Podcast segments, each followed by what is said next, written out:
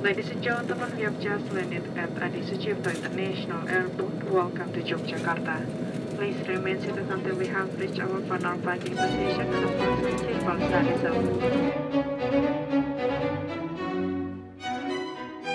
Tentunya selalu menyenangkan untuk ketemu dengan teman-teman di berbagai kota khususnya di Provinsi Jawa Tengah. Itulah yang saya lakukan bersama Chris dari Froko Coffee minggu tadi pada saat kami mengunjungi berbagai kota di Provinsi Jawa Tengah. Sebagian hasilnya sudah saya podcast pada episode-episode yang sebelumnya. Jadi teman-teman sekalian, lima hari perjalanan tentunya banyak hal-hal menarik yang kami temukan. Bukan hanya soal kopi, tapi juga soal kambing, soal sapi, soal tembakau, dan berbagai macam kisah kelucuan yang lainnya. Apalagi teman perjalanan ini tidak henti-hentinya untuk menikmati alam semesta. Ya, maksudnya dia terlelap dengan sangat nyenyak tanpa bisa dibangunkan sehingga pada suatu titik kami meninggalkannya untuk ngopi-ngopi sementara ia masih terlelap di dalam mobil. Christian Herianto kalau sudah tidur tidak ingat alam semesta teman-teman sekalian. Untuk itu podcast ini didedikasikan untuk Chris yang ilmunya tentu sangat akan bermanfaat utamanya tentang fondasi cara merosting kopi. Teman-teman sekalian, perbincangan yang akan Anda simak lebih tepatnya bisa dikatakan sebuah diskusi sebagai bagian kunjungan yang dilakukan oleh Froko kepada klien-kliennya. Perbincangan ini dilakukan di sebuah kafe di kota Jogja. Teman-teman sekalian, inilah dia podcast episode 107 season kedua. Selamat menyimak.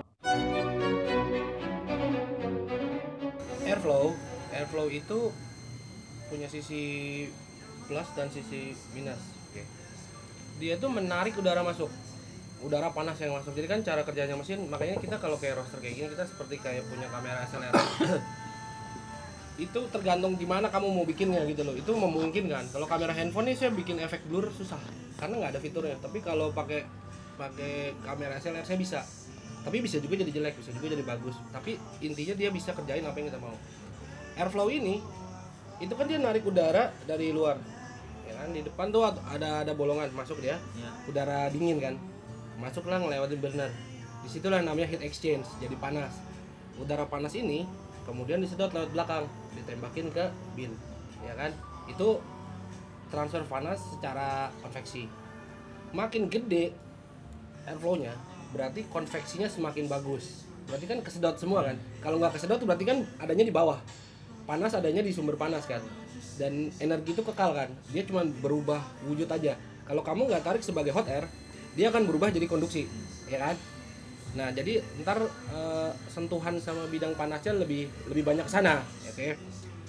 Makin banyak airflow konveksinya makin bagus. Kopi itu diterima eh, menerima panas bagus. Cuman ada jeleknya juga. Airflow itu menarik semuanya keluar ya kan? Dia narik panas ditarik keluar berarti aromamu juga keluar Iya, hilang, Pak. Iya kan? Jadi caranya gimana mainin airflow? Ada saat-saat tertentu kita kecilin, ada saat-saat tertentu dia digedein. Misalkan saya punya green bean yang bagus sekali ya, saya coba kayak cium gitu, wih wangi, wanginya kayak leci ya. Awalnya saya pasti kecilin dulu. Oke, karena komponen aroma itu mudah sekali menguap. Parfum itu itu mudah sekali menguap. Jadi saya mau dia diungkep Kayak kayak dulu gitu ya, ya ditahan dulu karena itu wanginya enak. Saya tahan dulu, nggak terlalu gede.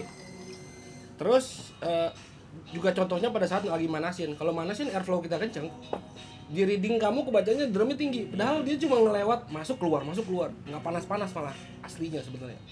Nah itu kalau di awal biasanya airflow-nya saya cukup aja kecil. Ntar sekitar 5 menitan ya itu cafnya mulai rontok kan kulitnya Iya. itu saya tarik kalau nggak ditarik cap itu kebakar nanti kopinya kayak ada notes kayak sekam Iya.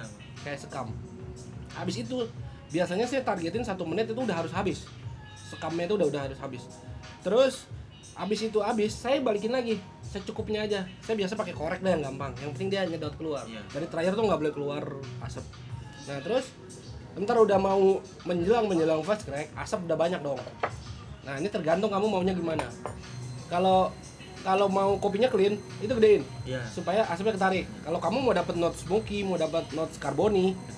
ah itu dikecilin smoky bagus apa enggak? Itu tergantung. Macam-macam daerah itu memiliki persepsi yang berbeda. Iya ada yang seneng ada yang nggak seneng gitu loh. Nah jadi kita mesti tahu aja cara mainnya gimana. Kalau kita gedein berarti kopinya jadi clean. Kalau kita kecilin ya dia jadi ada note smoky di situ.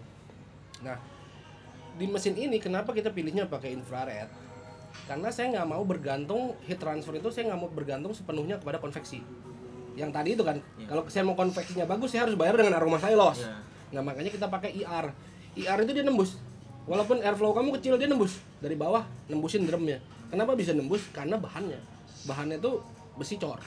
Besi cor itu bukan berarti semua besi cor sama. Besi- cor adalah cuma tekniknya aja. Teknik besi dilelehin kemudian dicetak. Nah yang jadi berbeda itu apa? Materinya dalamnya apa? Mau kita kasih iya mau kasih besinya berapa mau kasih mangannya berapa mau kasih kromiumnya berapa mau kasih macam-macam lah. Nah itu memungkinkan memungkinkan kita untuk dapat drum dengan struktur yang kuat ya nggak gampang pecah. Kalau punya martabak bangka itu gampang pecah tuh. Kalau kamu ketok dia pecah. Nah kita nggak mau seringkih itu. Jadi kita tambahin eh, berbagai macam eh, berbagai macam campuran metal supaya dia tetap tetap kuat. Tapi di saat yang sama pada saat kita alirkan radiasi dia tuh nembus. Di atasnya drum ada lapisan lagi itu stainless. Stainless itu emissivity-nya rendah artinya dia nggak bisa nerusin radiasi. Dia akan mantul. Makanya lihat tukang kebab. Depannya ini kan ini infrarednya. Ya. ini daging. Sama dia ada pintunya ditutup kan gini kan nah itu dari dari infrared nembusin daging. Dari daging kena kena stainless dia mantul. Nah itu jadi eh, banyak banget yang bisa dimainin. Kamu bisa roast 100% dengan radiasi pun bisa. Eh, saya udah pernah coba. Bisa roast 100% dengan konveksi juga bisa 100% dengan konduksi juga bisa. Eh, ntar dicari aja yang enaknya. Saya nggak bisa bilang mana yang enak Iya. gitu loh. Kamu harus bisa nebak le- selera customernya apa. Dan itu kopi mau dijadiin apa? Mau manual brewan kah? Apa mau Espresso. espresso? Terus espressonya mau seperti apa? Iya. gitu kan. Itu itu akan efek sekali. Kalau infrared itu karena dia nembus kopi kalau kita belah ya kamu belah deh kopi. Dalamnya tuh density-nya beda. Dia lebih di tengahnya nggak rapet Iya. luarnya rapet kan. Jadi kalau pakai infrared kan dia nembus in, tek, tek. Karena dalamnya density-nya lebih rendah jadi dia matangnya inside out dari Iya. dalam keluar Iya. Iya kan? Kalau konveksi itu dari luar dulu. Kayak kita magang sate lah. Iya. Magang sate itu udah pasti nge- dari luar ke dalam. Kalau kalau kita belah dagingnya masih bisa medium atau medium rare gitu kan. Konduksi juga sama.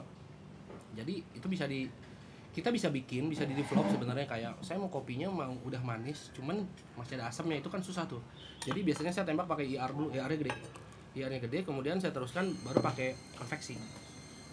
Kalau IR terus terusan nanti dia runtuh. Jadi kelihatan kayak kalau dilihat pakai di foto makro gitu ya kopinya tuh kayak jatuh kayak longsor. Karena di bawah di dalamnya kan lebih empuk kan. Nah kita kan matangin dalamnya dulu kan. Dia kayak tanah longsor jadi kayak ada kayak otak gitu kayak otak manusia tuh gambarnya gitu. Nah itu kayak gitu. Nah. Makanya kemarin ma- maaf nyelas benar makanya kan waktu tak patahin binsnya kok jadi kebalikan. Kan dulu sempet ngerosting juga kok dari luar ke dalam. Terus Hmm. jadi lihat kemarin pakai mesin ini kok dari dalam keluar gitu. Bisa itu berarti radiasi kamu tinggi. Gimana caranya bikin radiasi tinggi? Gampang. Burnernya aja. Burnernya digedein airflow-nya dikecilin drum speed gedein.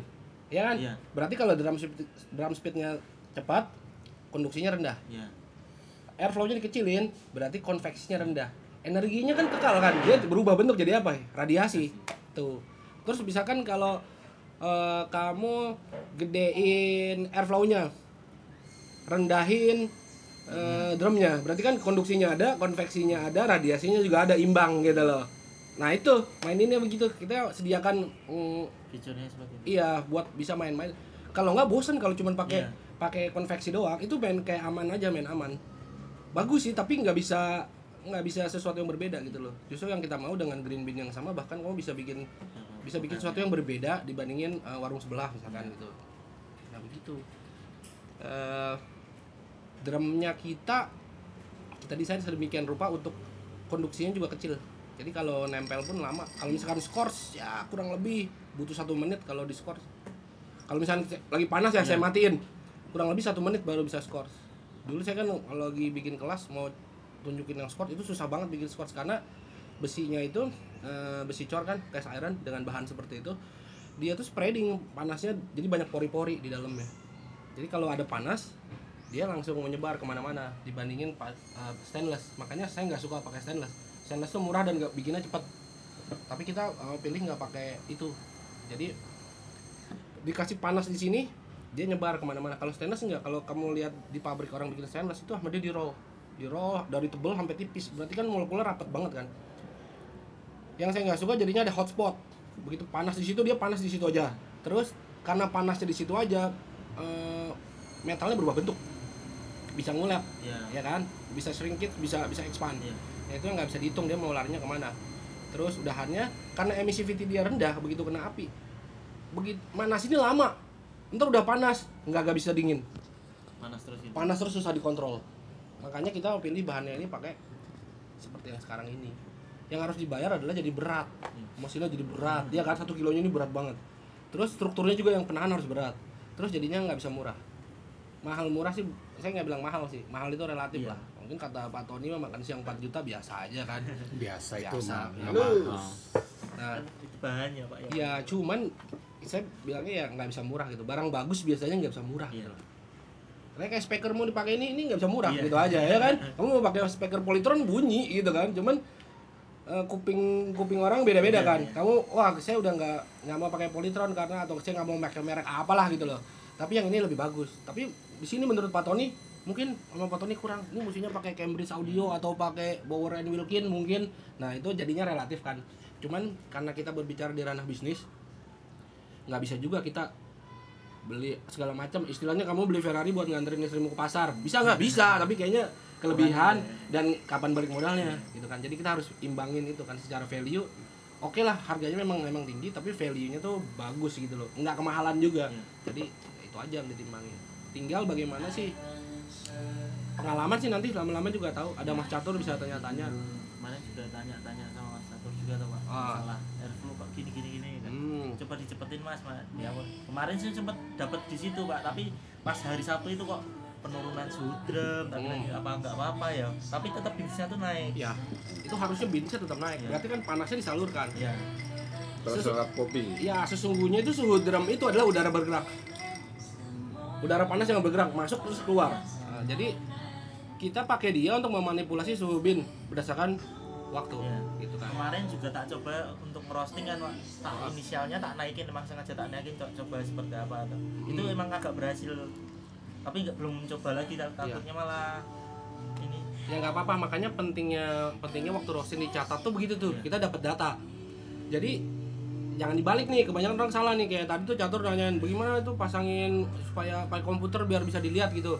Itu mah belakangan. Iya. Sebenarnya jangan ngeliatin angka. Angka saya bagus, angka saya begini. Kenapa begitu? Grafiknya bagus. Yang penting tuh rasa dulu, Pak. Kalau rasanya udah bagus, pakai yang tadi. Tadi waktu gorengnya kayak gimana sih tadi? Iya. Nah, gitu loh. Jadi bukan eh, oke, kita gorengnya pakai angka dulu, udah pasti bagus. Belum tentu ya yang yang ada kita coba dulu kita kita tes kita kita kaping ternyata enak nah perlu ada catatan supaya apa supaya kita dapat data oh misalkan kopi dari eh, manalah dari daerah kerinci atau ini kopinya berani panasnya. Kopi dari sini nggak berani panasnya. Ya, kemarin juga gitu Pak. ya kan? Dia bisa rusak. Intinya tuh ma- masing-masing beda lah. Iya. masing-masing beda dan kita harus si roaster harus tahu eh, sweet spotnya dari si kopi tersebut.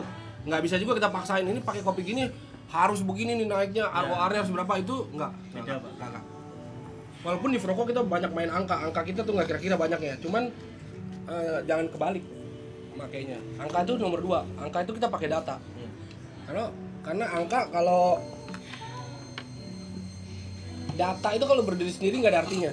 Tapi kalau data dijadikan satu namanya informasi. Nah dari situ kita bisa oh ini begini oh lain kali nggak usah beli lagi kopi yang ini nih. Ini mau diapa-apain juga udah nggak bisa. Ya Pak. nah gitu kan.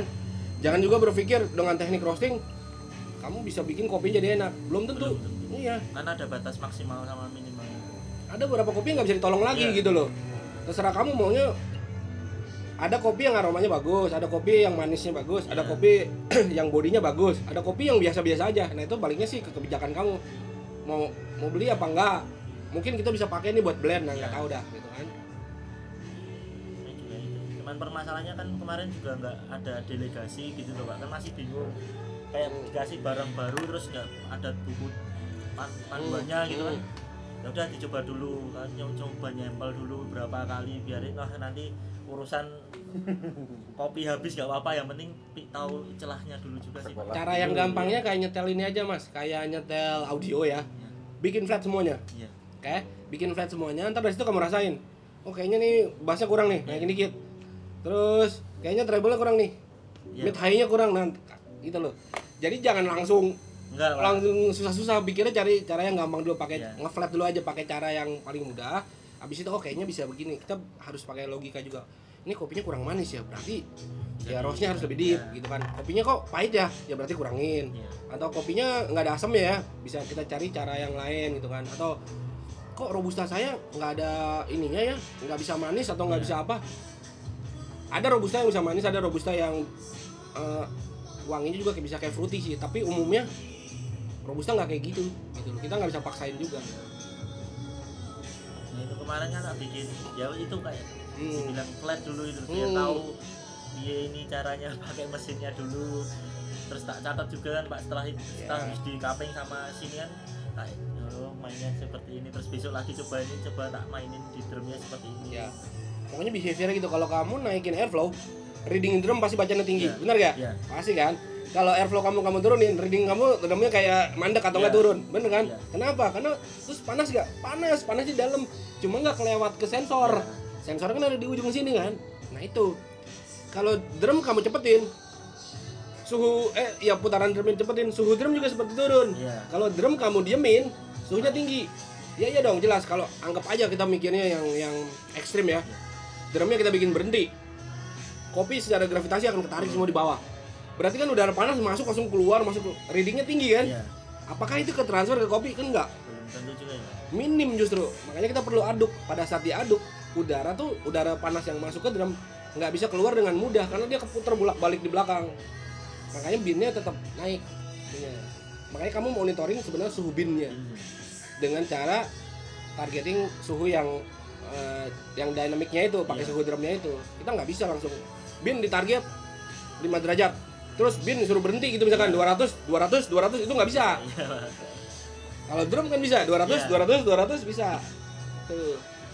Makanya kan kemarin juga lihat kok tapi yang binsnya tuh masih naik gitu loh. Hmm. kalau masih naik sih masih aman cuman kok cuman pertanyaannya kok ini drumnya bisa turun nih kenapa emang? Ya itu. Ngerti kan penjelasannya Iya. kan? Jadi udara yang panas yang mau diukur sama sensor drum itu dia nggak bisa keluar dengan cepat gara-gara kenapa? Ketahan di dalam. Bagus gak bagus secara heat transfer. Jadi nggak nggak buang nggak buang gas Iya. nggak buang energi kan? Tuh. Monitoring aja biji ntar eh, tiap menit ntar kamu tahu ada bin yang kenaikannya kayak 3 derajat 3 derajat Iya. 4 derajat ntar jadi dia naik dia naik banget. Ya nah itu aturnya begitu dia nggak bisa diatur langsung saya sayangnya sudah tak liatin dari berapa second per, kenaikan satu per, apa satu derajat itu berapa second gitu ya tak liatin gitu juga sih Pak. awal-awal kemarin Terus sama yang paling yang kamu berbeda dengan yang lain itu fast cracknya. Fast cracknya pasti lebih rendah dibandingin mesin-mesin yang lain, ya kan? Kenapa demikian? Karena struktur drum, struktur drum dan kita naruh propnya itu bawah banget, pendek. Semakin pendek kita bisa naruh prop, semakin mohon maaf prop itu sensornya, oh sensor ya.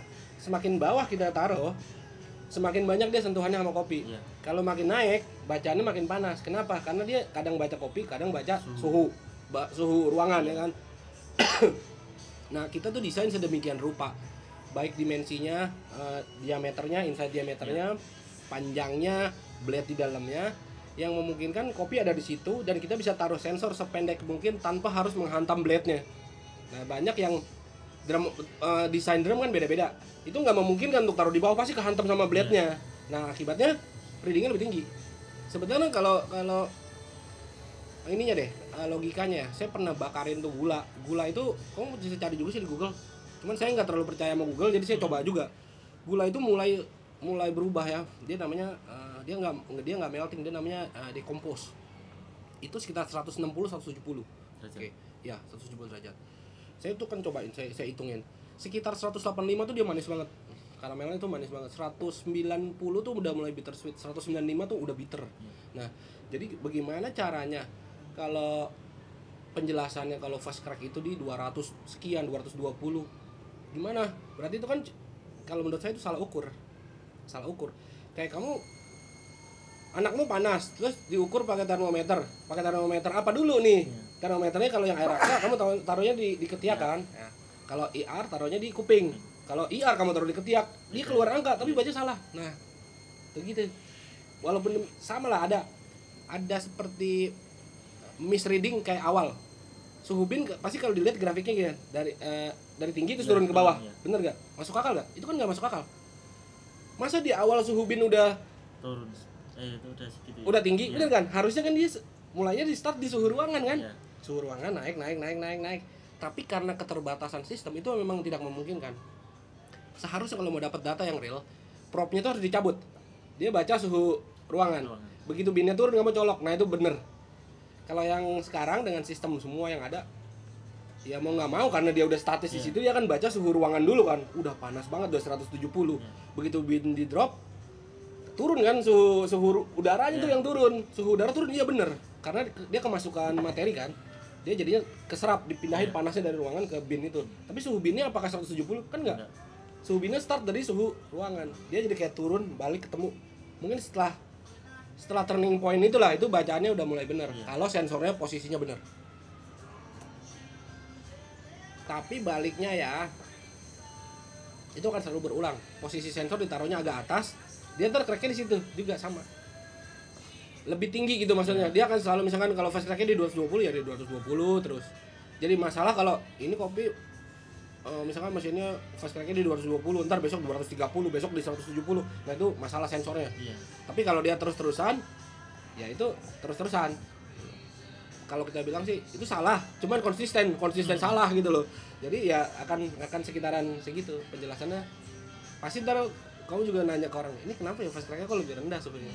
Itu selalu gitu dan posisi sensor kita untuk mesin-mesin semuanya itu posisinya berbeda satu kilo posisinya di situ 15 kilo tuh beda Nah, makanya saya juga banyak teman-teman saya yang punya cerita-cerita kan dia punya mesin banyak ada satu kilo, 3 kilo, 5 kilo, 5 kilo sama 15 lah gitu lah.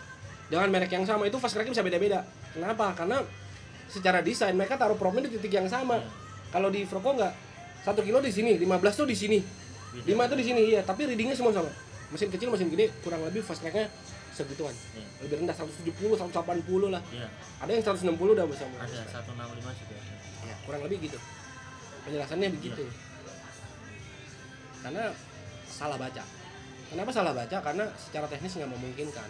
Ada batasan teknis yang kita di engineer itu kita nggak bisa. Kayak hmm, apa ya contohnya ya? Ya kayak tadi lah sensornya itu gimana caranya supaya kita cabut dulu terus bisa colok. Itu kan susah teknisnya. Gimana? Kendala itu terus piye aku mainannya gimana? Kok suhunya drum turun terus ini. Tapi tetap tetap Binnya ini binnya naik. Makanya yang tak liatin bin dulu kan pak. Ini yang drum nah nanti nggak apa-apa. Nanti kalau pas mas Sato datang tak konsulin dulu seperti apa. Nah, wis malah harus dijelasin dong. iya langsung dari bapak sendiri. Sama itunya yang penting itu cara memasaknya itu ya cara roasting kayak drum speednya apa. Itu kalau kamu catetin ya terus kamu Iya. ulang lagi itu binnya ntar sama. Gitu oh ininya pergerakan binnya Iya. sama? Kita kan ada mesin auto. Iya. cara kita buat bikin bikin suhu bin tuh bisa ditarget bisa ditempelin hampir nempel banget di garisnya. Iya. gara-gara kita ulangin apa yang tadi kita kerjain. Udah gitu aja. Iya. itu kan cara kerjanya kayak seperti kayak ya flight data recorder gitu kan. Ketinggian berapa kecepatan berapa pilot belok ke kanan 3 detik. Iya. itu udah- udah bisa ditebak. Dia posisi pesawat pasti di situ. Kalau kamu ulangin lagi yang kayak tadi pasti pesawat ada di situ. Makanya misalkan ada pesawat jatuh black boxnya diputar ulang bisa dikira-kira tuh Iya. jatuhnya di mana pesawatnya? Kenapa dia bisa jatuh gitu kan? Ada masalahnya di mana? Jadi yang harus dikerjain tuh tuh cara memasaknya. Kalau coba aja kamu masak sayur asam lah atau apalah. Pertama masukin kan minyaknya dipanasin. Terus masukin bumbu dulu. Iya. terus masukin sayur. Terus masukin daging. Ada kemungkinan dagingnya nggak matang tuh ya kan? Belakangan pak. Ke belakangan atau ada juga yang masukin bumbunya dulu terus dikasih telur terus masuk daging. Itu semua ada logikanya gitu mana dulu yang yang bahan yang yang membutuhkan panas lebih yang lama. Ya. kalau sayur kita masukin di depan di belakang dia jadi lemes Ya. kan udah terlalu layu kan. Layu. nah itu kayak begitu sama. Jadi di yang harus di- diputar ulang adalah cara kamu memasak. Ketemu nih kopinya enak. Nah pakai tuh cat- catatan Ya. kamu yang tadi. Tadi gimana ya bikinnya? Jangan ini tadi enak nih karena nggak dicatat bikinnya gimana? Waduh saya udah lupa. Iya. Kalau kemarin kan tak catat gitu pak jadi per kayak eh, inisial berapa terus nanti yellowingnya di berapa nanti cracknya mau di berapa kan biar nanti setelah KPM baru lihat datanya oh Ya. ini di sini Jadi jangan pakai cuma data suhu aja, itu Iya. buntung datanya. Saya udah pernah coba, saya udah sering coba. Eh, satu kopi yang sama, saya roast meng- menggunakan pakai auto nih, saya curang tiap detik sama. Suhu binnya itu sama. Suhu binnya saya targetin dengan suhu yang sama. Komputer kan akan akan akan atur kan besaran apinya pas segala Iya. macam kan. Ngejar sama, tapi hasilnya bisa beda. Padahal grafik suhu binnya tuh sama. Yang berbeda apa? Cara masaknya itu. Saya sengaja yang sebelah sini airflow-nya lebih kecil, sebelah sini airflow-nya naik. Itu hasilnya rasanya beda banget. Secara fisik bentuknya sama, warnanya sama, Angkanya. graf binnya sama, rasanya beda. iya Kenapa? Cara memasaknya itu. Jadi jangan cuma dikejar eh, suhunya aja. Sekarang lagi musim tuh dicatat suhunya gitu. Iya. Itu buntung sebenarnya datanya itu nggak lengkap. Data yang nggak lengkap itu membuat misleading. Kok bisa? Padahal suhunya udah sama nih. Kok rasanya bisa beda? Ya tadi cara masaknya itu loh.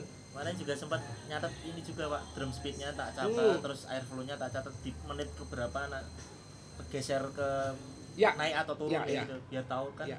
Itu Masih- itu itu yang penting. masih buta kan kemarin pak Justru yang kita kerjain di sistem auto tuh kayak gitu. Jadi kamu roasting, dicatat sama sistem semuanya tiap detik kamu ngapain tuh dicatat sama dia. Panggil lagi. Ntar dia ngerjain yang tadi kamu kerjain lagi.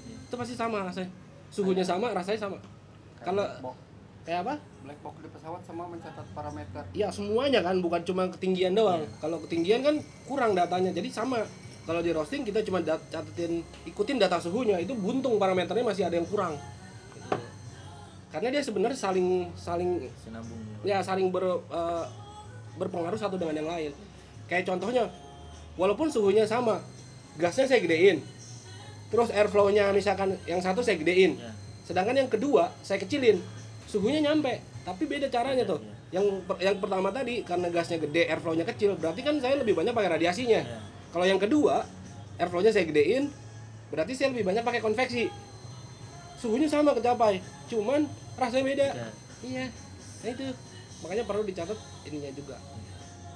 karena sudah tak catat drum geser di berapa nanti tak catat 6 menit ini drum naik nanti ini turun ya jadi Dan saya bener-bener buta ya kemarin Itu sih sama kayak kayak catur bawa mobil lah, biasa bawa Panther disuruh bawa truk, torsinya beda. Terus mungkin posisi tombol juga beda, remnya di sebelah. Itu sih tinggal butuh waktu aja. Tapi performa itu udah pasti beda tiap mesin pasti beda performa. Kamu naik Avanza sama kamu naik Mercedes beda performanya, yakin. Walaupun bannya sama-sama 4. Beda fitur, beda performa itu yang bedain harganya kenapa bisa segitu. Gitu Itu dia. Beda dia. Cuma kurang lebih handlingnya ya begitu sama setirnya juga bulat ya belok kanan ya belok ke kanan. Ya, Nggak ada kan orang bikin bikin mobil setirnya kamu ke kananin, mobilnya belok ke kiri. Kan kalau nyetir itu motor boot gitu. Kan kalau kamu ke ke, ke kiri dia bisa beda. Arahnya kan tergantung propellernya itu kan. Nah, tapi kalau jadi teknik menyetir mobil sama teknik menyetir kapal itu beda. Kecuali kapalnya juga sudah dimodifikasi pakai yang setir. Saya udah coba dua-duanya pakai setir nyetir kapal tuh pakai propeller yang di belakang gini sama yang dimodif jadi setir. Itu jadinya akan berbeda. Kamu nyetir mobil belok ke kanan mode ke kanan, kalau yang pakai propellernya motor boot itu kebalik. Ya. Tapi kalau selama sama-sama mobil kurang lebih ya begitulah handlingnya. Cuman bedanya performa. Yang satu diinjak masih eh, yang satu diinjak langsung ngacir. Atau enggak mobil truknya catur nggak bisa ngacir tapi bisa bawa lot yang besar, torsinya kuat di putaran rendah gitu. Jadi bisa nanjak. Gigi satu aja torsi dia udah putaran rendah aja tenaganya udah banyak gitu kan. Sedangkan mobil mobil balap harus mungkin putaran lebih tinggi atau gimana lah itu ya be- beda ini aja handlingnya atau nggak mobil yang mobil truk atau nggak mobil yang lebih panjang saya pernah nyetir karavan kalau mau belok nggak bisa langsung belok. Nabrak belakangnya. Mau belok kanan harus kiri dulu. Ini baru nah itu itu mah kebiasaan lah. Tapi ya fitur ada yang yang membedakan fitur. Di mobil yang ini ada di mobil yang itu nggak ada. Di mesin yang ini ada di mesin yang itu nggak ada. Itu beda tujuannya fitur apa sih buat mempermudah gitu? Contohnya kayak di mobil mah ada yang namanya cruise control. Kalau kita jalannya jauh nih nyetirnya jalannya panjang banget. Di Indonesia sih jarang dipakai sih cruise control. Kecuali kamu nyetirnya di mana lah yang jalanannya panjang banget. Terus kata polisinya kecepatan nggak boleh lebih dari 120 kan capek kita kalau nyetir 7 jam. Ya gitu terus ya. Diinjek gasnya kan susah kan? Ada namanya dia kayak cruise control. Kamu isi angka 120 ntar mobilnya 120 kamu kakinya nggak usah diinjek gasnya 120 terus all the way 7 jam gitu nah itu beda ada yang punya fitur itu ada yang enggak Indonesia jarang dipakai sih cruise control Ngapa lu rekam-rekam ya? Iya, Eh, ngapain? kan ilmu itu. Halo. Ilmu. Besok gua nggak mau direkam kalau nggak pakai Neumann. Ih, siapa nih? Ntar ya kalau Neumann gua datang, Ya, pinjemin. jangan dipinjemin, ntar gua tip. Mas, beruntung ya, tuh langsung. iya pak Oh, banyak pencerahan pak iya saya aja nggak paham. Beneran. Sebenarnya ini logika doang, logika logika berpikir logika. Sekarang kan zaman internet kan, kamu bisa bisa bisa gali info dari internet. Cuman kadang internet juga eh, kadang nggak valid. Jadi itu cuma dari katanya katanya katanya temennya saya punya Iya. teman, katanya dia lagi gitu, kata neneknya dulu. Wah susah tuh. Saya lebih senang cobain. Oh mungkin kayak gini, mungkin kayak gini. Air mendidih di 100, iya benar. Kalau di gunung nggak 100, lebih rendah dong. Kenapa? Karena pressure. Makanya di drum di di mesin roasting kita sebenarnya juga nggak tidak serta merta pakai panas sebenarnya. Kita juga melibatkan unsur pressure. Gimana cara manipulasinya? Nah itu. Kayak misalkan kamu kencengin drum speednya, kenceng dong. Di dalam kan ada blade-nya, lihat kan? Kayak kipas angin di rumah dong. Kalau angka satu sama angka tiga kencengan angka tiga kan anginnya dorong ke depan kan berarti kalau kita kencengin drumnya dia akan ngedorong udara ke depan terus kamu cekek airflow-nya dikecilin yang terjadi apa positif di dalamnya tuh bertekanan positif didorong tapi dicekek. Positif kan pressure-nya seperti pressure cooker. Nah tapi di di mesin ini juga memungkinkan untuk melakukan pressure yang negatif. Putaran drumnya kamu pelanin airflow-nya kamu tarik yang kenceng. Berarti kan negatif kan kesedot kan dia? Gitu kan? Efeknya beda. Efeknya beda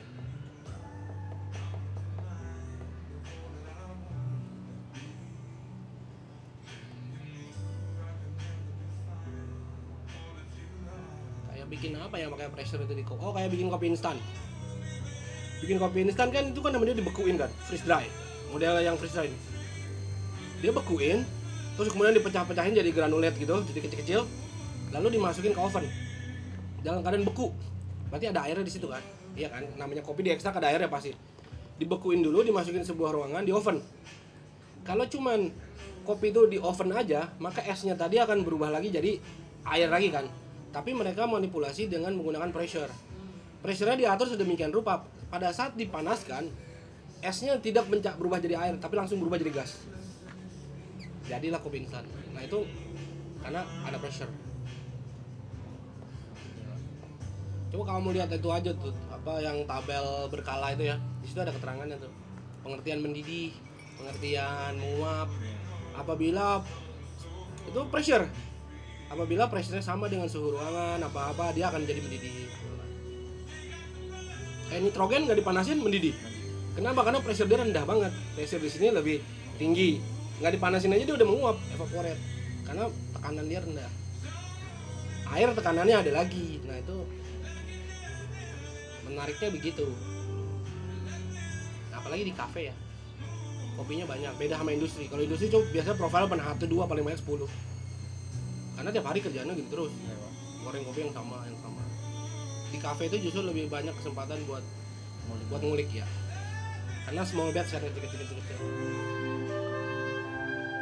Teman-teman sekalian, bila tadi perbincangan dengan salah satu teknisi di coffee shop, tapi perbincangan pada sesi kedua ini kami hanya ngobrol sana sini tanpa arah, tanpa ada tema yang khusus untuk dibahas.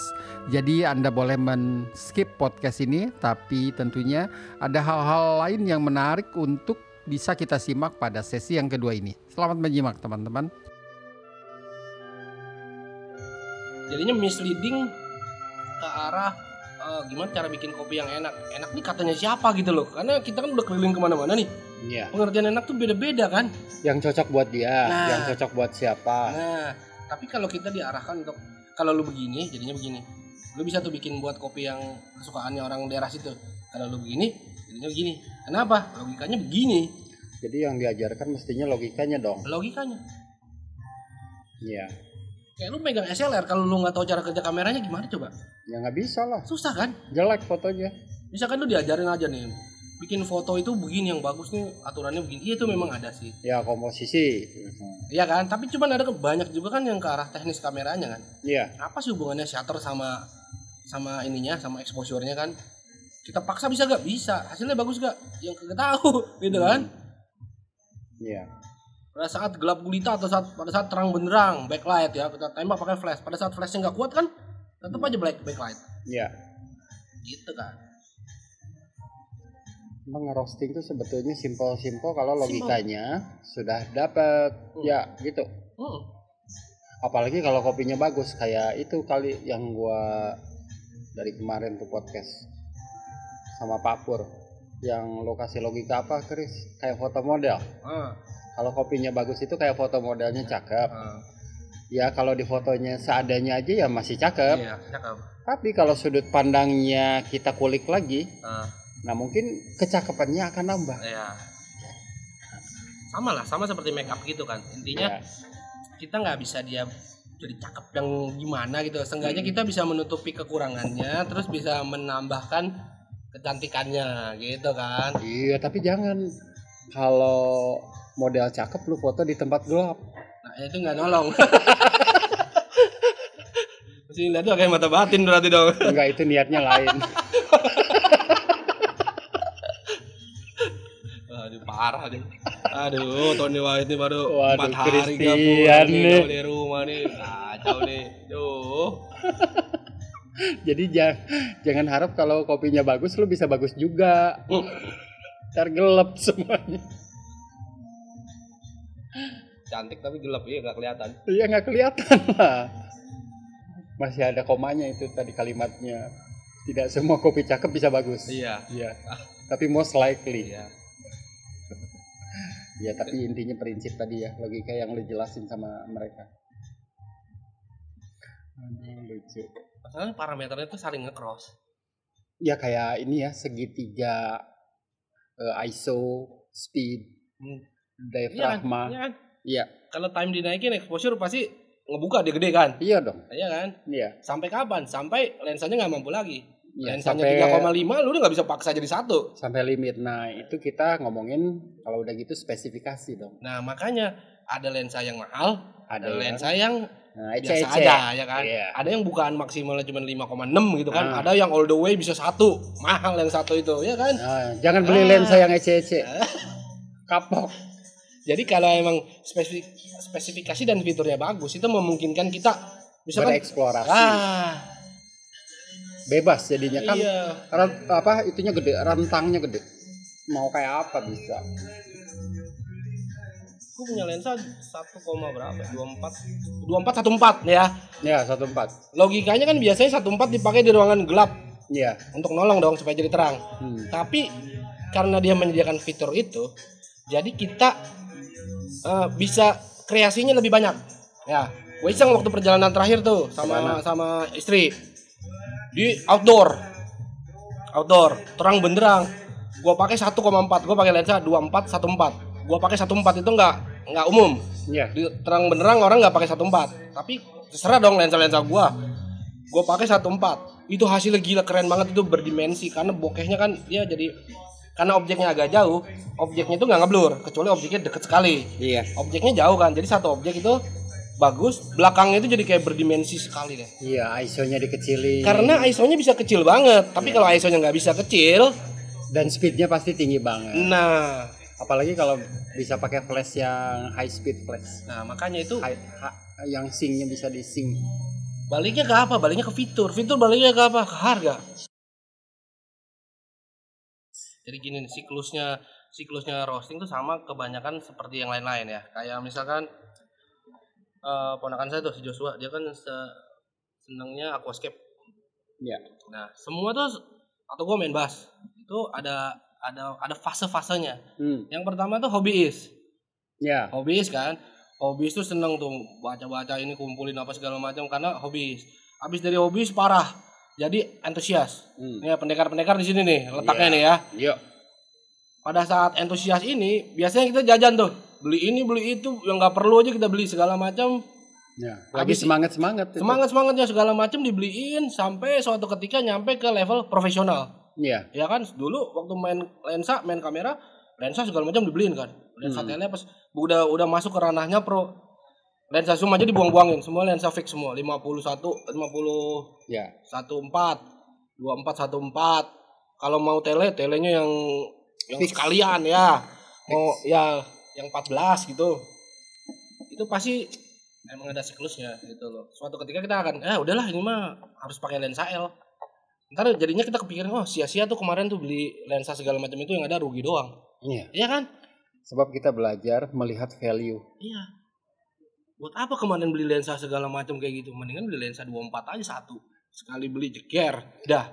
Meaning kalau kita apa? Mendingan kita kumpulin dulu uangnya sampai cukup. Ya. Beli yang proper. Iya. Dan itu kan bisa panjang. Kayak keponakan gue tuh si Joshua itu tuh. Dia sekarang levelnya adalah antusias. Jadi tiap hari kalau di kantor itu air dicekin pH-nya. pH, GH, semua TDS semuanya dicekin. Iya. Wah.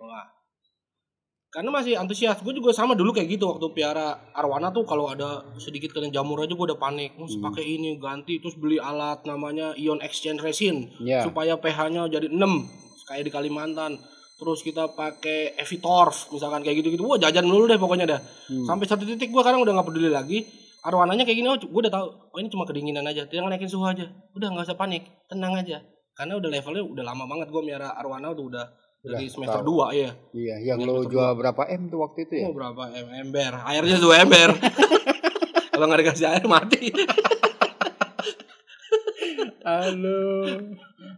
Ada satu titik nanti jadi pro. Kayak kayak profesional kan pengertiannya juga bukannya dia apa ya susah sih kata-kata profesional kan melekatnya kayak jagoan nih hebat gitu kan. Iya. sebenarnya profesional tuh bukan kayak gitu juga. Kalau kita bilang kayak wartawan profesional, berarti sehari-harinya dia memang uh. Menggeluti bidang itu. Iya, dia mendapatkan uang dari situ, Di ya kan. situ. Kita makeup artis profesional ya berarti tiap hari di situ. Pemain Iya. musik profesional ya di situ, gitu kan. Iya. Nah, levelnya profesional bahkan kalau kayak di coffee kalau di di coffee ya, itu profilnya nggak banyak-banyak banget dan udah berhenti di kulik. Ngulik itu cuman paling dua bulan pertama. Begitu dapat udah selesai. Paling banyak 10 yang pernah gua ketemuin Mm-mm. profilnya. Selebihnya enggak. 10 profil aja. 10 profil doang. Orang yang dikerjain tiap hari kayak gitu dengan tonase yang besar. Bertonton. Oh iya. Yang diperlukan udah bukannya kulik-kulikan lagi, tapi diperlukan ilmu ngulik itu diperlukan di awal. Pada saat nyari nyari rasa, nyari apa segala macam dan untuk mengantisipasi perubahan rasa kopi ya. Iya. Karena kan hasil bumi ya, nggak bisa terus-terusan. Nah, di situ di- diperlukan kerangka logikanya juga. Tapi selebihnya dari situ ya terus-terusan aja terus terus. Jadi nggak banyak-banyak dong itu profil. nggak banyak di Thailand yang 10 ton se- sehari cuman dua ya profilnya Dua aja. dua Ya mungkin sebab konsumen ya senangnya itu keris eh, yang dua itu. nah baliknya kan gitu kan kalau profesional tuh tujuannya apa sih untuk mencari penghasilan di situ kan Iya. bukan buat ranahnya buat main-main lagi kan lah. jadi dia harus menyesuaikan rasa kopinya sama yang dimauin pasar tuh apa ya kan? Betul. dia tahu caranya pasar ini maunya begini kita tahu cara bikinnya teknisnya kan di situ tapi ya ya udah tiap hari ya begitu selama pasarnya belum berubah ya pasti begitu roastingnya Iya. Kan lu mau cuan. kalau profesional iya memang kan hidupnya dari situ Iya. kalau nggak cuan gimana itu bukan profesional idealis. ya kecuali hobiis dengan eh dengan budget yang budget Nggak sultan ya terbatas. kayak Tony Wahid gitu kan Iya. Buat- Gua beli alat ini iya, podcast. buat podcast aja kan Iya wih. untung untung puluh juga kagak ya Oh, Kagak kagak kagak ada duit. kagak ada duitnya jajannya banyak bener ya Banyak. nah, sultan Ah. mah bebas kan Bebas Iya, lah. ya begitu Ah, deh. Dengan kecuali memang nggak mau profesional ya nggak Iya. apa-apa sumbangan. Mohon. di bawah podcast. Buat seenggaknya ini ya buat bayar hosting ya Aduh. Tapi podcast emang nggak ada duitnya, itu hobi aja. ya hobi nggak apa-apa gitu Hobi. kalau ranahnya profesional pasti udah berbeda Eh ini kita hari keberapa nih di Jawa Tengah ya? Ketiga ya? nggak tahu Ya udah ketiga ini. Kemarin kita mulai landing di Jogja, Purwokerto, Wonosobo, Jogja lagi. dan malam kita mabok tipis-tipis ya bandrek bandrek susu Udah nggak kuat gue udah tua lah Chris. sama-sama kan, kan kata lu juga sakit perut. Kalau Iya. udah tua Udah tua kasih mah. bir aja satu aduh cukup. Oh, Eh, Ke toilet terus. iya mabok enggak main thread malah Susah nih kalau udah tua ya. iya minum alkohol malah ngebrek-brek perutnya jalan jauh udah nggak bisa maunya naik mobil aja Si catur tunggu aja di sini. Iya. ya udah oke. Dari hotel sudah jalan ke coffee shop berapa 500 meter wah jauh Yang lebih dekat lagi hotelnya. dari hotel yang deket Jadi kalau analog gue roasting kalau mau beli mesin lo kumpulin aja duitnya dulu. mending ya. kumpulin duit dulu beli yang proper value nya nggak akan jatuh Lo ada buyback kan? ada buyback kalau dia mau upgrade ya Iya. dan value nya bagus karena juga kan ini kan drumnya juga dari cast iron makin lama dipakai makin, Makin. bagus Season.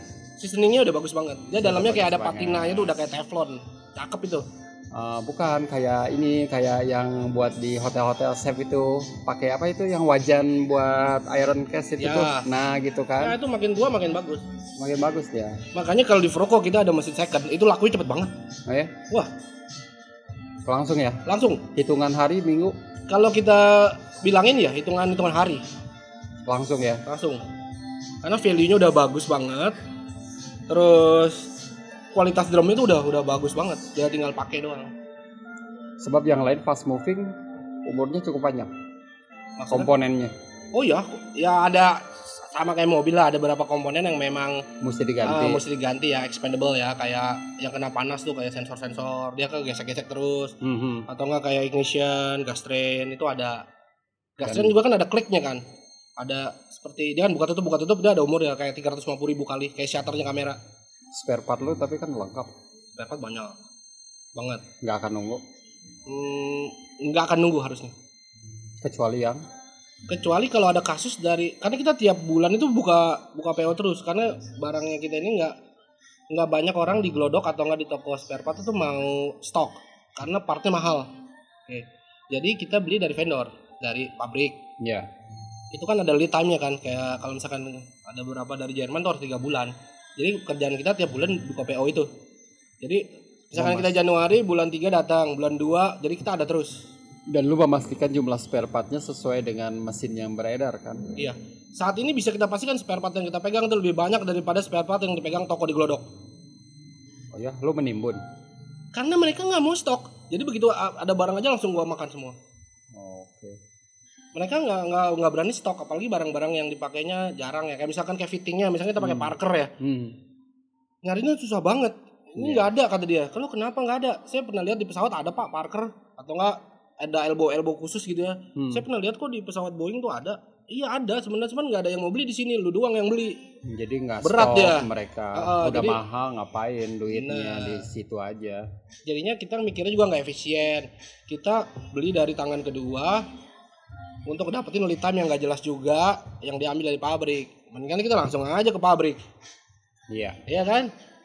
Jadinya kita dapat kos yang lebih bagus juga kan. Kosnya walaupun pembelian kita lebih banyak. jadi kalau perbaikan selama ini orang nunggu paling lama berapa lama untuk Kalau Jakarta sih, Jakarta tuh 24 jaman lah kita udah bisa udah bisa Settle. jalan. Ya, Hmm. karena part kita banyak hmm, kebanyakan juga kita kadang suka kalau di lokasi kayak gini di kafe ya kita nggak enak juga kalau sampai bongkar-bongkar yang berat ya. Kalau sampai rusaknya ada misalkan kayak gearbox gitu ya kita lebih seneng ganti.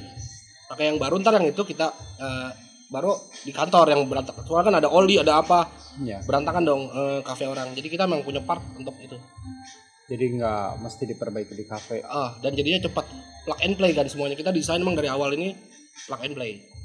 Itu yang bikin membuat bikin mesin itu susah. Itu di situ. Kalau cuma bikinnya satu asal jadi doang berfungsi bisa.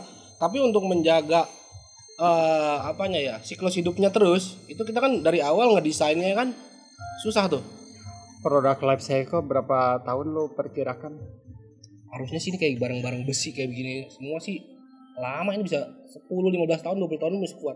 Paling elektrikalnya aja ya yang kalah. Karena listrik kita juga kan kurang sehat di sini. Nggak stabil ya. iya suka naik turun Eh, tapi lu suruh mereka pakai stabilizer nggak? Untuk yang tempat-tempat yang on off. Kalau iya stabil. iya jadi juga nih yang penting nih sebenarnya gini nih harusnya pada saat beli mesin roasting itu memang udah dipikirin dulu tempatnya ibarat mau beli mobil harus punya garasi dong mau kalau nggak mau taruh di mana Hmm. jadi kadang yang ada ini mereka beli mesin ya udah tinggal colok aja ada colokan di tembok Hmm. main colokin aja itu sebenarnya nggak bisa begitu hitungannya nah aku belajar dari si Bama tuh di di Birmingham. Kalau kepalanya di belakang itu fuse-nya 30 ampere ya kan? Berarti kabelnya yang ditanam di tembok itu harus tahan 30 ampere juga. Kalau nggak tuh nggak bakal disetujuin tuh mesin dipasang di situ. Gitu kan? Sama waktu itu masang di Maldives juga kan itu dia nggak di approve tuh pertamanya. Gara-gara jalur listrik dia nggak memadai.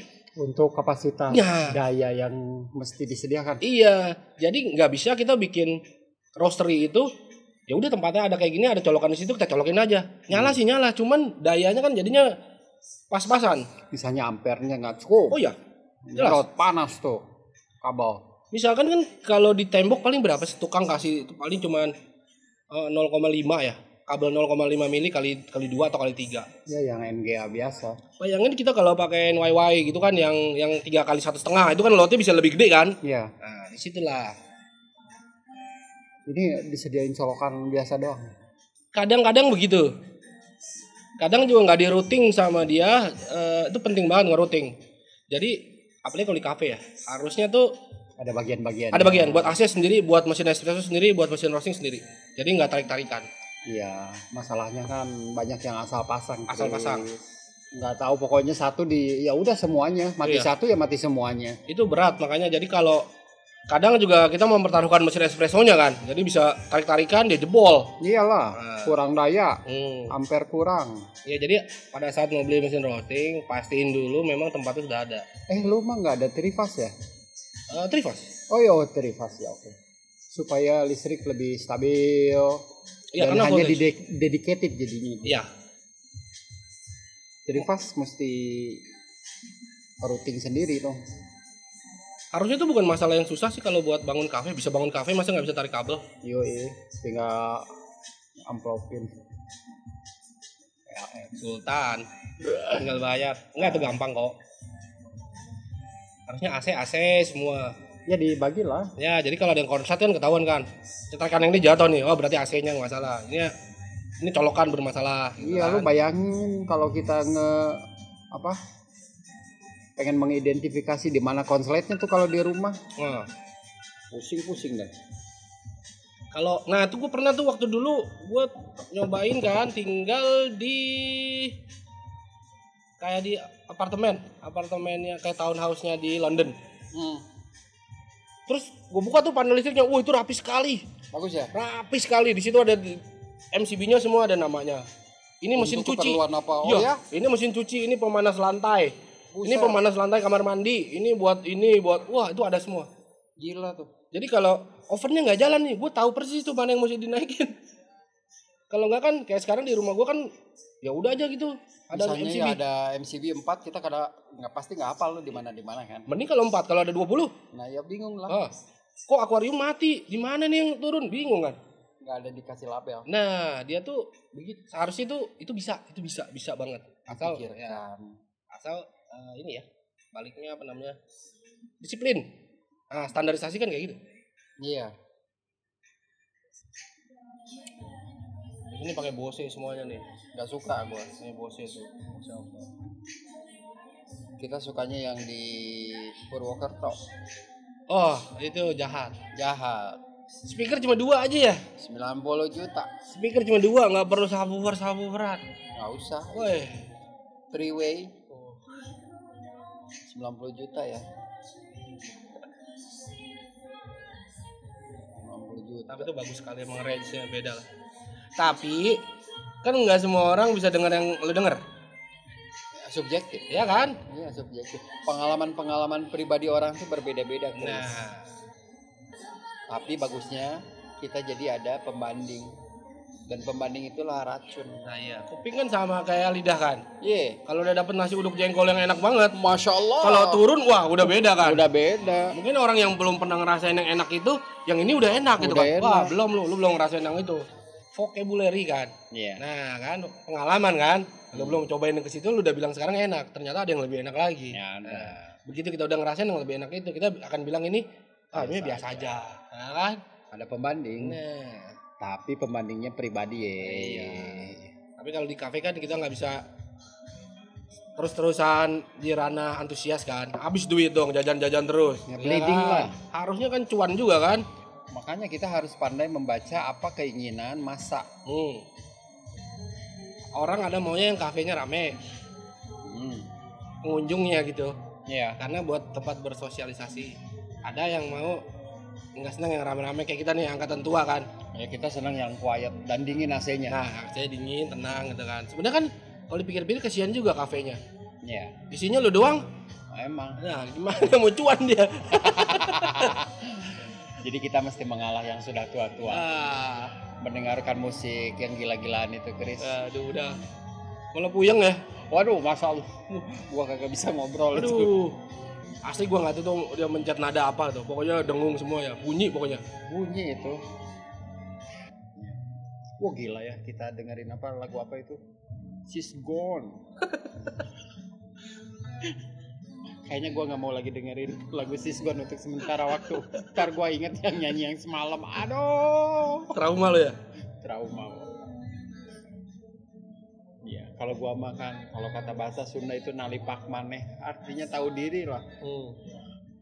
Kalau vokalnya pas-pasan, jangan coba-coba nyanyi yang susah-susah. Ya itu kan soalnya kan dibuka buat ini kan maksudnya kayak siapa mau nyanyi silakan gitu kan. Iya, bebas kan itu Bebas. memang. Memang disediakan. Makanya kalau di weddingan kan suka sama IO-nya nggak boleh kan.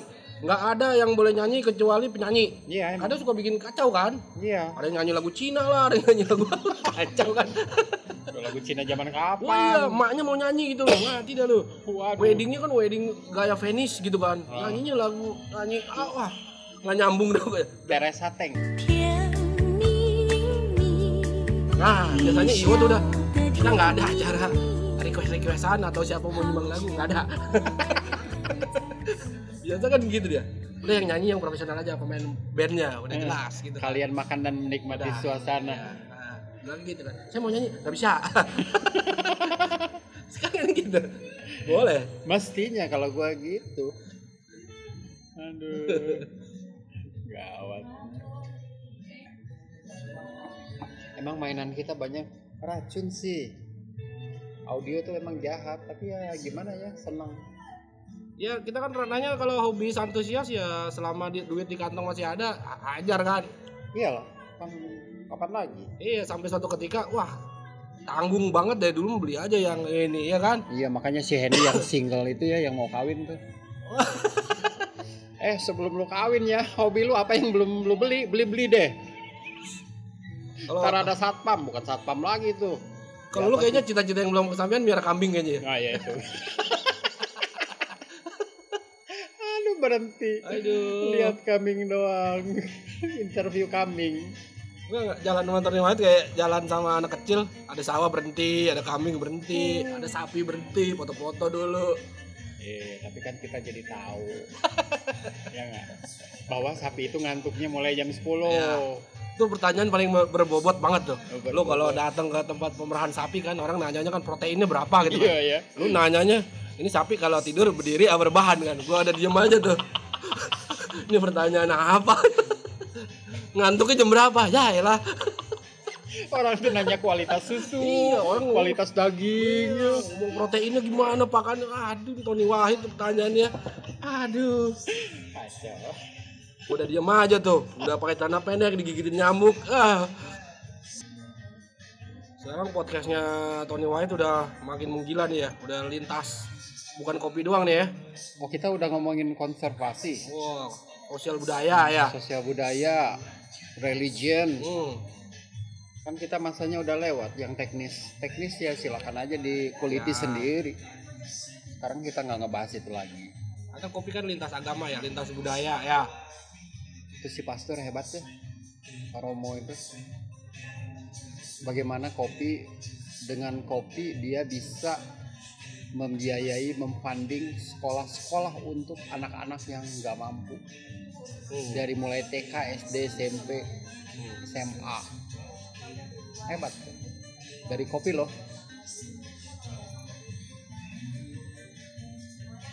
Dari hobi kopi. Nah. Pastor tapi seneng ngopi ya. Ya, kardinalnya juga senang kopi. Ya kan dulu juga kapucin. Kapucin jangan lupa itu Kapucin kan- kedekatan kopi sama Katolik itu luar biasa. Iya sama istilahnya juga kopi ada arabica kan. Iya, Arab Dari Arab kan. baca-bacaan Nah, tengah malam kasih. karena nggak boleh minum alkohol ya. Iya, the wine of Islam. Nah, bolehnya ngopi, ngopi nggak apa-apa. Kita ngomong sama Romo malahan minta wine-nya.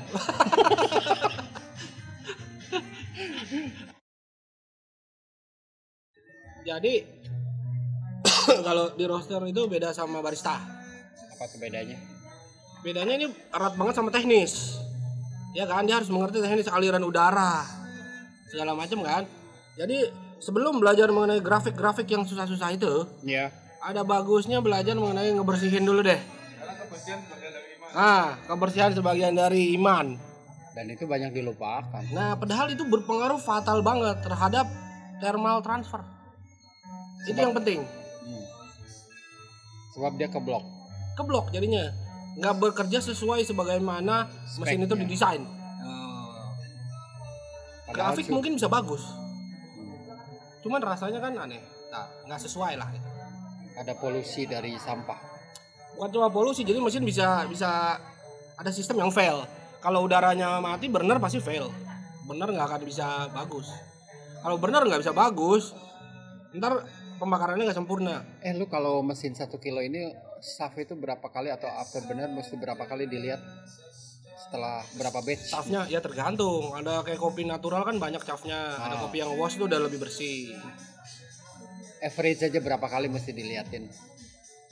Ya harusnya sih sebelum setiap hari ya sebelum mulai operasional tuh dicek. Sampai nanti selesai dicek juga. Kalau kita sih saranin sebelum mulai karena kalau habis habis selesai masih panas. Oh iya masih panas ya, Susah bisa kan? disentuh. Ya, Ya. mendingan besok pagi pas mau mulai roast Sebelum memulai. Ya, ada ada SOP yang dijalankan. Contohnya tabung gas deh. Pastiin gasnya ada. Jangan sekali lagi goreng, Di tengah, tengah gasnya habis lari dulu ke Indomaret. Wah, udah deh selesai loh. Nah, apalagi kapasitas gede. Nah, bisa. Bye-bye. Hmm. Sampah udah dibersihin, ya kan? Gas, sampah, Gas, apalagi. sampah, ya udah itu aja sebenarnya. Dua doang. Dua itu aja. Kalau itu gagal untuk dijalankan, sampah itu akan nanti akan numpuk. Numpuk dia harusnya kan dari turun ke bawah kan. Namanya cyclone kan. Cyclone tuh turunnya ke bawah. Kalau udah ada penuh dia akan pelan-pelan naik ke atas, ke atas, ke atas, ke atas, nyumpel di lehernya. Pada saat nyumpel di lehernya itu airflow-nya udah jadi nggak guna lagi. Keganggu fungsinya. Iya, Ya, ada hambatan. jadi ada hambatan. Yang tadinya misalkan udah kita hitung nih kubikasinya 8 kubik per menit gitu kan. Iya, Gara-gara jadi ada berkurang hambatan ya. tuh jadi berkurang. Grafik boleh bagus. Grafik boleh bagus. Jadi jangan liatin grafik doang ya. Ya itu nggak salah, cuman eh, first thing first, ya kan. Yang harus dilakukan protokol. Iya, iya kayak mobil kita nih, AC-nya kan nggak dingin kan. Iya. Padahal kalau perawatannya berkala kan, Pasti akan selalu dingin. nah Nggak mungkin. AC fail. dicuci gitu kan nggak mungkin fail. Ini kan fail kan. Iya, fail itu. Harus nyala dulu selama 20 kilo ya. Iya, 2 20 jam kilo. baru Gila. dingin. Apaan itu ya? Sebenarnya kan mobil diesel AC-nya dingin-dingin AC-nya banget. dingin. Terus bahan bakar juga kan jadinya nggak efisien kalau gitu kan. Dia bekerja keras karena kita menyalakan fan tinggi. Nah, kayak gitulah. Sebenarnya SOP kalau dalam tingkat lebih lanjut jadi ISO itu kan, itu tujuannya apa sih jangka panjangnya mereduce running cost. Tapi kebanyakan kan ignorance, Chris. Asal pencet aja. Ya yang penting jalan. Memang itu ya itu bedanya makanya. Itu bedanya lah. perlu disiplin. Ya. Iya. Sebenarnya penerapan kayak begitu tuh nggak susah-susah banget. nggak Yang- susah banget ya kalau dijalankan tiap hari kan udah menginternalisasi iya lama-lama malah jadi kayak masalah memori kan iya dia jadi udah udah tahu abis ini ngapain ngapain iya sama menyalakan mesin espresso jangan main nyalain aja tuh lihat airnya ada nggak Hmm. misalnya yang pakai tangki ya Hmm. ntar dia nggak ada pengaman ya habis lah Iya. manasin terus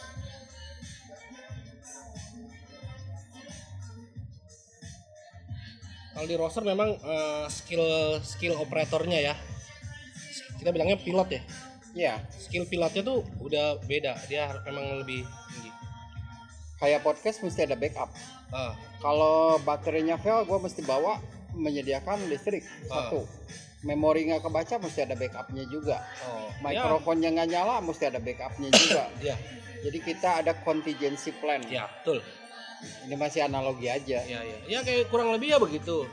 Lama-lama dijalanin terus begitu lama-lama udah biasa aja, iya Iya. kan? dari pengalaman misalnya gagal rekaman Ah, apa nih sebabnya oh jadi nanti kedua dan selanjutnya gua mesti nyiapin di list dulu nih nah, itu kan gitu simple aja kan. simple Asal dijalanin, dijalanin tiap hari jadi kebiasaan kan. jadi nggak mungkin gagal Ah, kan orang bilang kan, yang apa tuh namanya kalau kita lakukan sesuatu terus menerus gitu kan? bisa karena biasa Iya, ntar dia jadi kebiasaan, jadi habit, gitu kan? Ntar jadi attitude gitu kan? iya Ya udah biasa aja muscle memory. Eh lu karyawan berapa total sekarang? 40-an kan? Enggak, nggak tahu, nggak tahu. oh bosnya nggak tahu nih. Gue tahu orang-orang tapi nggak pernah ngitung. eh buset ini masih kerekam Chris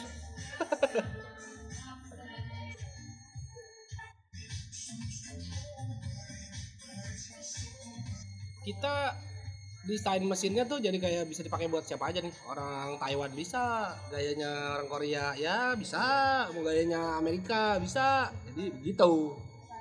Karena jadi lu bisa mengakomodasi itu dalam sebuah engineering lah iya kayak di Medan ada coffee shop yang tua banget itu tuh, yang dekat Jalan Merdeka itu, ya stadion. ya Legend banget kan itu. ya Cara dia nyeduh kan gitu mungkin gak sesuai standar apalah. ya Dia punya cara dia sendiri. Hmm. Dari situ kan kita bisa menghargai jadi, oh kenapa dia begitu ya? Iya. Kenapa dia Terus kenapa dia rame? Buktinya kan itu kan. iya dong Jualan, jangan menjudge wah salah nih kok gitu Iya. oh, Ah. digam- digampar lo Waduh. Dia jualannya udah lebih banyak ya kan? iya iya Nah, di situ makanya kita apalagi kalau kita udah masuknya ke ranah bisnis. Kita harus fleksibel, serap berbagai macam. market reset Nah, jadi kita tahu kita bisa menyediakan kopi yang dibutuhkan sama orang.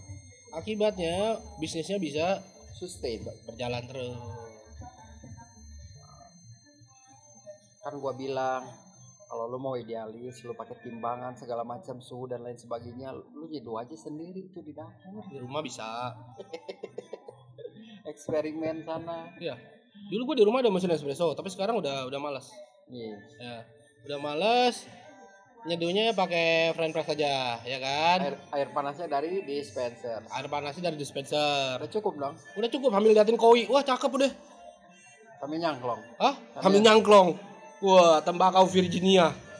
Itu udah. Gue udah nggak peduli lagi suhunya berapa, apa nggak drippingnya berapa gitu lah. Gue tahu sih sebenarnya kalau mau bikin, tapi gue malas gitu dan Eh, weh, kenikmatannya.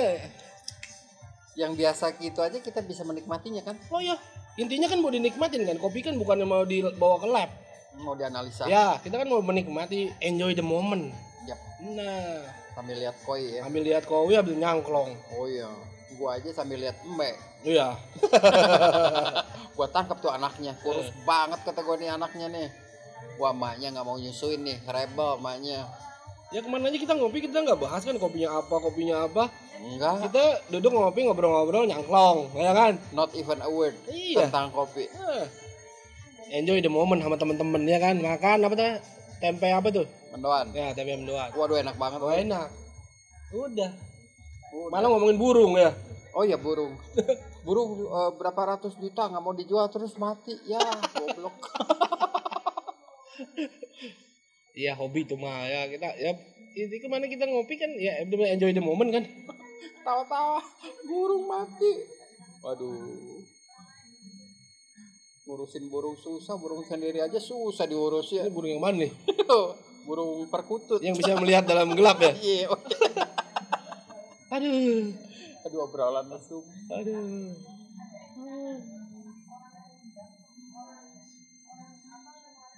Aduh. Di Jogja ada 1500 coffee shop. Iya. Wih, gokil. 1500 yang paling banyak gua rasa di kota ini, se-Indonesia. Hmm. Bandung banyak, tapi nggak sebanyak ini. Ya Jakarta juga banyak. Dan mereka kan gila-gilaan sekarang uh, untuk membeli alat. Kadang ya mungkin nggak mikir kali ya BEP-nya berapa. Tapi ya mereka pasarnya ada sih. Ya, ya mungkin masih fasenya kayak begitu. Neighborhood coffee shop. Ada fasenya dan pasti udah lewat. Gue dulu di dapur pakai lamar Soko Strada. Ya, Gua taruh di dapur. Iya. Grindernya pakai Maitos. ya. Di dapur. Iya, Bayangin. Gara-gara kan? gara-gara waktu itu fasenya gue lagi antusias. Hmm. Masih tahap antusias. Yang bagus apa ini masih lebih bagus lagi ya gue beli yang paling bagus secara teknis ya. Beli.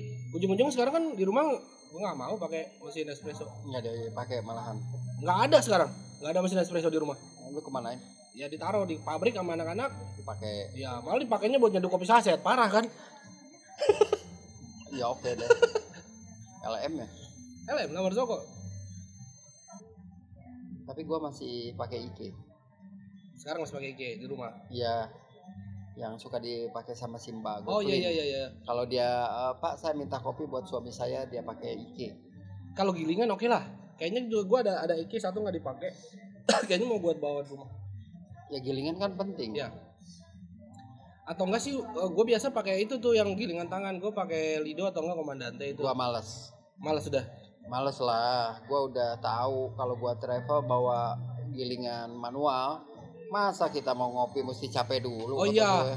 Kalau travel biasanya gue udah giling duluan. Tapi kalau di rumah gue biasa giling. Oke lah sekali-kali ya. ya. Gua juga ada. Tapi gue udah nggak mau pakai mesin espresso lagi. Buat apa? Iya. Iya. Demi gitu loh, demi dapetin kopi. Dulu kan gue pikirnya gitu. Gue kerja udah capek nih. Gue di rumah harus ngopinya juga yang Iya. worth lah gitu loh. Eh, dahannya. Males gue. Ngopi sambil liatin koi itu mantep banget ya. Waduh. Ambil nyangklong. Waduh. Kalau gua ngopi sambil apa ya? Sambil ngepel kali. Gak ada siapa-siapa di rumah. Nah, Jadi obrolan kita udah sana sini nih. Chris. umur ya. Umur. Jadi ngomongnya udah beda ya. Yoi. Kalau dulu ngomonginnya kan. Dulu pertama kali kita ketemu kan ngomonginnya rame-rame tuh kan. Hmm, Ngomongin ekstraksi. Iya. Ya kan, nyeduhnya gimana, suhu berapa, Iya. ya kan? Berapa detik Makin jatuhnya? ke sini kan, udah makin tua, Oh. kopinya voice comment aja, ya kan? Voice comment gua. Wah dulu ya. Wah ini kremannya nih mesti kayak macan nih. macan. Motif macan nih Iya. bagus tiger strip. Iya. Oh, udah gitu gua kagak peduli. Ba, kopi. Office boy di Jeep kan, wah jago-jago dah. Waduh, tamunya banyak nih langsung dia keluarin kopi maker. Eh. Oh, yang 10 cup langsung jadi selesai. Masa dia mau pakai fisik 10 orang kapan jadinya? Iya. Itu juga zamannya kayak latte art ya. Hmm. Semua pakai latte art semua gitu ya. Gue main lah ke Melbourne, ke Sydney gitu kan ya. Nah, bulat-bulat kan? Gue kagak ada main dituang langsung sama dia. Iya. Karena satu barista megang mesin 4 grup. Iya. Merangkap jadi kasir juga. Bayangin. Iya. Susu di susu di steam langsung ditinggal gitu aja. Seret, seret, seret, seret. Espressonya dibikin. Dia tuh tapi masalah memorinya dia udah udah tahu tuh. Jadi cepet sekali. Satu orang bisa handle 4 grup bayangin. Gila ya. Dan itu mesinnya 4 grup tuh dalam artian kerja loh. 4 4 itu jalan. Jadi satu dua tiga. Udahannya susunya tuang gitu aja. Serot serot. serot. Langsung. Langsung langsung langsung. Enggak ada latte art. Wah boro-boro kagak ada. Semua tuh gua ke Melbourne kayak gitu, ke Sydney kayak begitu. Nah, Mau take away, mau minum di situ juga. nggak ada yang minum di situ malah. Dikit. Oh dikit ya. Karena kopinya jadinya ya kebutuhan karena emang mau ngopi bukan bukan mau nongkrong lagi gitu loh. Oh, Ya gimana mau nongkrong? kayak espresso di Itali dong. Iya. Minum di Minum kalau sebentar, langsung. Cabut. kadang kan nggak ada mejanya juga kan di Itali itu kan berdiri meja tinggi gitu kan. Dan bisa sharing rame-rame kan. Iya, dikasih gula dia. Nah, mereka. kasih gula. Hmm, enak kok. Espresso pakai gula. Ya, nggak ada salah itu memang sosialnya di sosial budayanya begitu. ngopi. Iya, enak kok di sana. Aduk-aduk, langsung strike kan. Straight, habis cabut. Cabut. Betul. Minum espresso pagi-pagi. Tuh, dari situ tuh gue lihat oh, macam-macam ya kopi tuh nggak harus begini. Kalau kita udah mengkotakkan diri sendiri kan jadinya cepet ya kita nggak tahu dunia luar tuh kayak gimana ya. Iya. Oh ternyata begini nggak harus kayak gini nggak harus Iya. begitu. Nggak Ya. harus busanya harus ngedom atau apa juga kan gitu kan? Iya. cappuccino busanya harus ngedom atau apalah atau Hmm. latte harus bagaimana? Korea juga gitu kok. Bulat aja udah. Serot aja udah karena lotnya tinggi banget. Iya. Mungkin 500 cup kali eh gua ada nggak habis habis soalnya ya, kalau yang dilihatin datang lo, ya? Iya. Bahkan kayak di stasiun penyeberangan ferry gitu aja ya. Uh barisannya sibuk. Oh nggak ada ya juga yang protes kok lu ngebuat latte art nih enggak bootnya kecil cuman 2 meter kali 2 meter kayaknya. Hmm. udah langsung grab and go grab and go. Nggak pakai latte art latte artan. Sana tuh kebutuhan. Anak betul kebutuhan